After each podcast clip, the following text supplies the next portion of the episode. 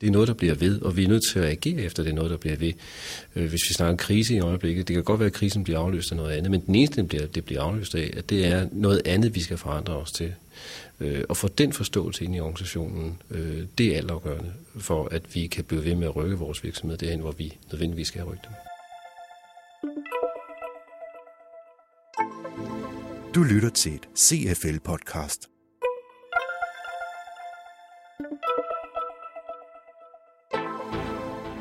CFL er stedet, hvor Danmarks mest fremsynede ledere udveksler erfaringer, debatterer og lærer. Forandring fryder, siger man. De fleste danske virksomheder har de senere år været gennem adskillige forandringsprocesser, og det stiller store krav til både ledelse og medarbejdere konstant at skulle styre sikkert igennem et skiftende landskab. For hvorfor skal man lave forandring?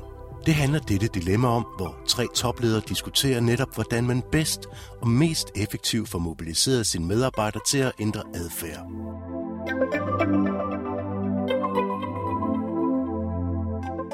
Emnet er i øvrigt højaktuelt hos CFL i denne tid, hvor en ny indikator om mobilisering af forandret adfærd netop er blevet præsenteret. Det er tredje gang CFL behandler emnet. Første gang var i 2011, og administrerende direktør i CFL, Vinke Strømsnes, fortæller her, hvorfor emnet allerede dengang blev taget op. Det gjorde vi, fordi vores forum for værdiskabelse på det tidspunkt bad os om at kigge meget mere ned i, hvordan ledere får mobiliseret folk omkring sig, fundet ressourcerne og mobiliseret folk omkring sig. Samtidig med det, så kom vi i rigtig mange organisationer, hvor ledere var frustrerede over forandringsprojekter. Forandringsprojekter, som i sig selv nok var en succes. Det var gode processer, man nåede egentlig også målet, og folk taler positivt om det, når de kigger tilbage på det. Problemet er bare, at i det øjeblik øh, konsulenterne er gået, eller HR er gået, eller lederen begynder at lægge fokus et andet sted, så falder ting tilbage stort set til der, hvor de var før. Så baseret på alt det udviklede vi i 2011 en øh, model til øh, mobilisering, til holdningsmobilisering. Og den model har vi prøvet af i alle mulige forskellige kontekster siden, og har vist sig utrolig bæredygtig i forhold til det at skabe nogle forandringer, som faktisk holder. Forandringer, som nok er styret fra topledelsen, og som er strategisk forankret men som er drevet af noget, der kommer indefra en lyst til fra medarbejderens side, at noget skal være på en anden måde. Og så til dilemmaet om mobilisering af forandret adfærd. Du leder af en virksomhed, der har været gennem mange større omlægninger i løbet af de senere år. Og du kan se, det bliver nødvendigt med yderligere justeringer på den korte og mellemlange bane – du kan mærke, at både medarbejdere og memledere er frustrerede. Samtidig har de mange forandringer betydet, at der er øget skepsis i forhold til ledelsens beslutninger. Forandringer bliver mere og mere kædet sammen med besvær og afståelse af privilegier. Fordi opfattelsen er, at beslutninger bliver taget hen over hovedet på medarbejderne. Hvordan kan du ændre den kultur, sådan at forandringsvillighed fremover bliver en naturlig del af virksomhedens kultur og medarbejdere og memledere i højere grad påtager sig selv at bære de nødvendige forandringer igennem.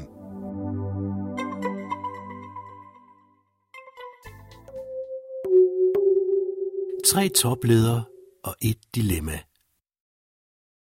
Jeg hedder Sofie Hulgaard, jeg er administrerende direktør i Carlsen Wagon Travel. Jeg hedder Bjarne Larsson, jeg er administrerende direktør i boligselskabet FSB. Jeg hedder Ole Strange, administrerende direktør i Dansak. For mig at se, så er det fuldstændig afgørende, at man som ledelse er ganske åben over for, øh, hvad er det egentlig for en retning, øh, vi er på vej hen imod, og hvorfor er det, at øh, vi gør, som vi gør. Man kan sige, at den frustration, som der skitseres her, er jo typisk, når man ikke ved, øh, hvad er retningen, og hvorfor er vi i den retning, og hvad kan vi selv gøre for at bidrage til den retning, men mere måske er forvirret over, hvad søren er, der sker, og hvor er jeg henne i morgen den sikkerhed i ledelsen, den er altafgørende for, at vi kan få vores medarbejdere til at forstå, hvad er det egentlig, vi har gang i. Jeg er virkelig enig i øh, det her, fordi jeg har været i nogle situationer, hvor øh, vi tog en beslutning på ledelsesniveau, øh, som så en leder ikke var enig i. Og han gik tilbage til sin afdeling og modvirker det den beslutning, som vi havde taget. Så selvom vi troede, at vi alle sammen kørte samme retning, så var der en, der ikke var enig. Så det er meget vigtigt, at vi alle sammen i ledelsesgruppen først er enige om, hvad vi skal. At man sikrer øh, den loyalitet, der skal til, og så bagefter, at man kommunikerer det ned. Men hvis man mangler en del af um, organisationen med en leder, som for eksempel har måske 30 eller 40 personer under sig, så kan det faktisk gå helt galt, og det har jeg selv oplevet. Og det tager så meget tid bagefter at samle øh, tropperne i igen. Jeg tror, det er en rigtig vigtig erkendelse, det er, at forandring er lige så svært for en, en ledergruppe som øh, for resten af virksomheden. Øh, så, så man skal igennem den samme proces, øh, kommunikation, Øh, jeg tror, det er rigtig vigtigt at få øh, kommunikeret, hvad det er for forandringer, der skal gennemføres, øh, og bruge den nødvendige tid øh, for at få det til at, at bundfælde sig. Og så i ledergruppen sørge for, at man også får taget din drøftelse, og så sådan bredt set at sørge for at være meget skarp omkring, hvad det er for forandringer, der kommer, hvorfor, og så kontinuerligt kommunikere omkring forandringerne, hvor langt man er kommet. Jeg tror, man kan få en organisation, som bliver meget bedre til det. Altså jo, jo flere forandringer man har været igennem, øh, jo øh, bedre er man ofte til det. Øh, så bliver det ligesom en del af, af livet, i stedet for en, en, en byrde og noget besværligt. Der kan man vel sige, at lige præcis at få i tale sig det ene organisation om, hvorfor er det, vi gør det? Hvorfor er det, vi er nødt til at blive ved med at gøre det? Hvorfor, er det ikke, hvorfor går det her ikke over? Det, det som, som Ole siger her, det er noget, der bliver ved, og vi er nødt til at agere efter, det er noget, der bliver ved. Øh, hvis vi snakker en krise i øjeblikket, det kan godt være, at krisen bliver afløst af noget andet, men den eneste, det bliver, det bliver afløst af, at det er noget andet, vi skal forandre os til. Øh, og få den forståelse ind i organisationen, øh, det er altafgørende for, at vi kan blive ved med at rykke vores virksomhed derhen, hvor vi nødvendigvis skal rykke dem. Jeg tror også, det er vigtigt, at man som leder erkender, at det er hårdt og erkender, at man tager noget fra dem. Du ved, fordi det, det gør vi jo, hvis vi tager nogle ferie, feriedage væk, eller hvis vi tager nogle... Altså, det er, det er hårdt. Det er ikke, øh, der er ingen, der kan lide, at øh, bonusen næste år bliver kun 15 procent i stedet for 20, eller...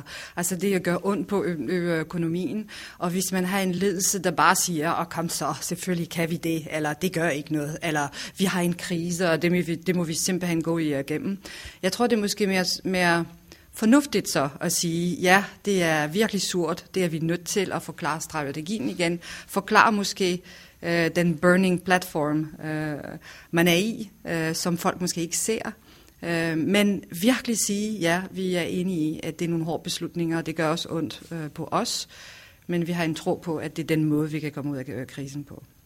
Jeg har en lille kommentar til mellemlederen. Nu nævner mellemlederen er også frustreret. Øh, og det tror jeg, at det er noget, man, en, en fælde, man ofte falder i. Det er ikke at tage mellemlederen med. med. Mellemlederen sidder meget ofte i klemme. Fordi vi som ledelse øh, øh, forventer, at de står på vores side. Men nogle gange glemmer vi at tage dem med. Øh, både i beslutningerne og i allerhøjst grad i kommunikationen. Øh, altså de skal igennem den samme forandringsproces. Øh, og øh, man skal sørge for, at øh, give dem den tid, den kommunikation og øh, den mulighed for at, øh, at påvirke det, som gør, at de reelt kan øh, stille sig op og være en del af ledelsen.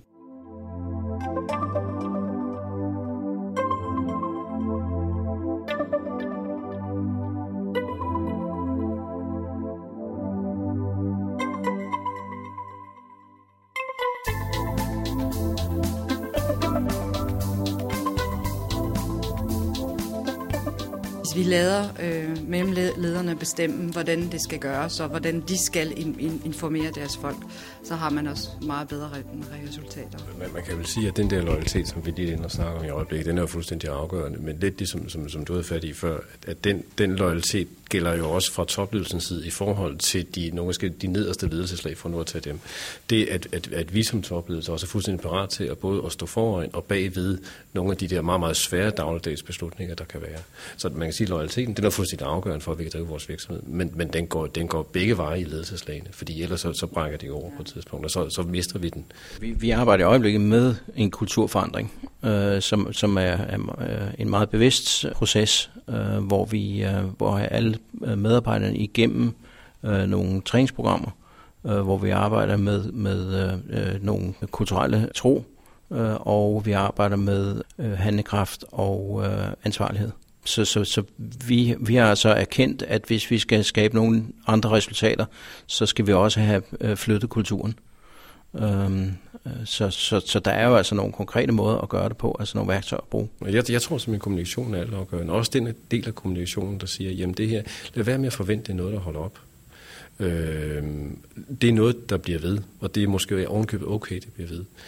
Øh, og så kan man sige, så også få skabt nogle, nogle øh, strukturer, nogle systematikker, hvor, hvor man får samlet op det, som der er blandt medarbejderne, den viden, der er blandt medarbejderne, og så også vise, øh, hvornår er det, at vi så i og for sig også bruger den. Men også være klar i sin ledelsesstil i forhold til at sige, hvornår er det, at ledelsen træffer beslutninger, og hvornår er det, at vi er fuldstændig åbne og parat til at lytte og lære øh, i ledelsen. Men, men kommunikationen i forhold til, hvad er det, vi vil, hvor er vi på vej hen, øh, og det vi vil blive ved med, øh, den tror jeg er afgørende. Du ved, man, man siger tit, at man skal give det store billede, og det bliver sådan lidt fancy word, at man skal give det store billede, og man skal forklare folk, at de bygger en katedral og bare ikke slår på en sten. Men, men det, er, det passer, hvis...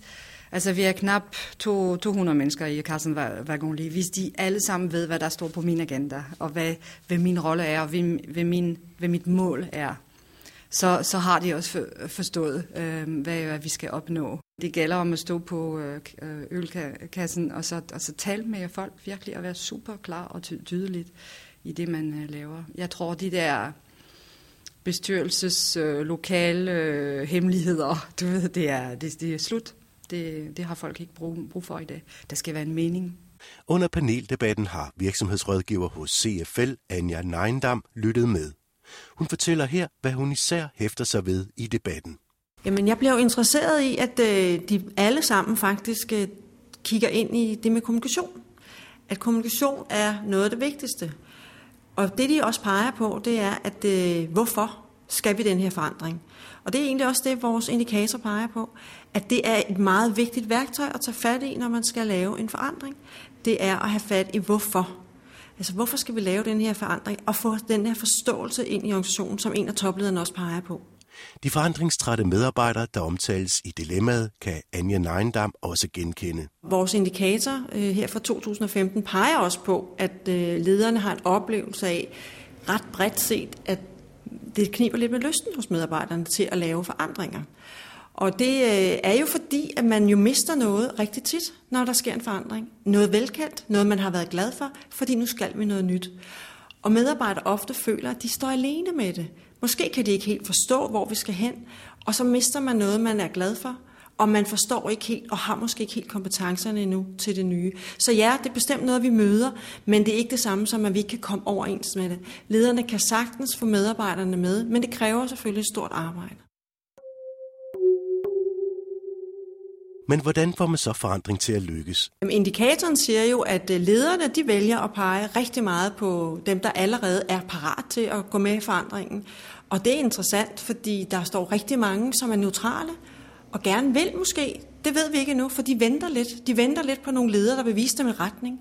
Så hvis man kan sætte ind der, så er vi overbevist om i CFL, at så kan man faktisk rykke meget hurtigere og meget mere effektivt, i stedet for at blive ved med at arbejde med dem, der er med, så får den her store midtergruppe med på den forandringsproces, som vi sætter i gang. Og med de ord runder vi dilemmaet om mobilisering af forandret adfærd af. Dit podcast var tilrettelagt og produceret af Mette Reinhardt Jacobsen og Søren Prehn, journalister i Mediehuset Periskop på Genhør.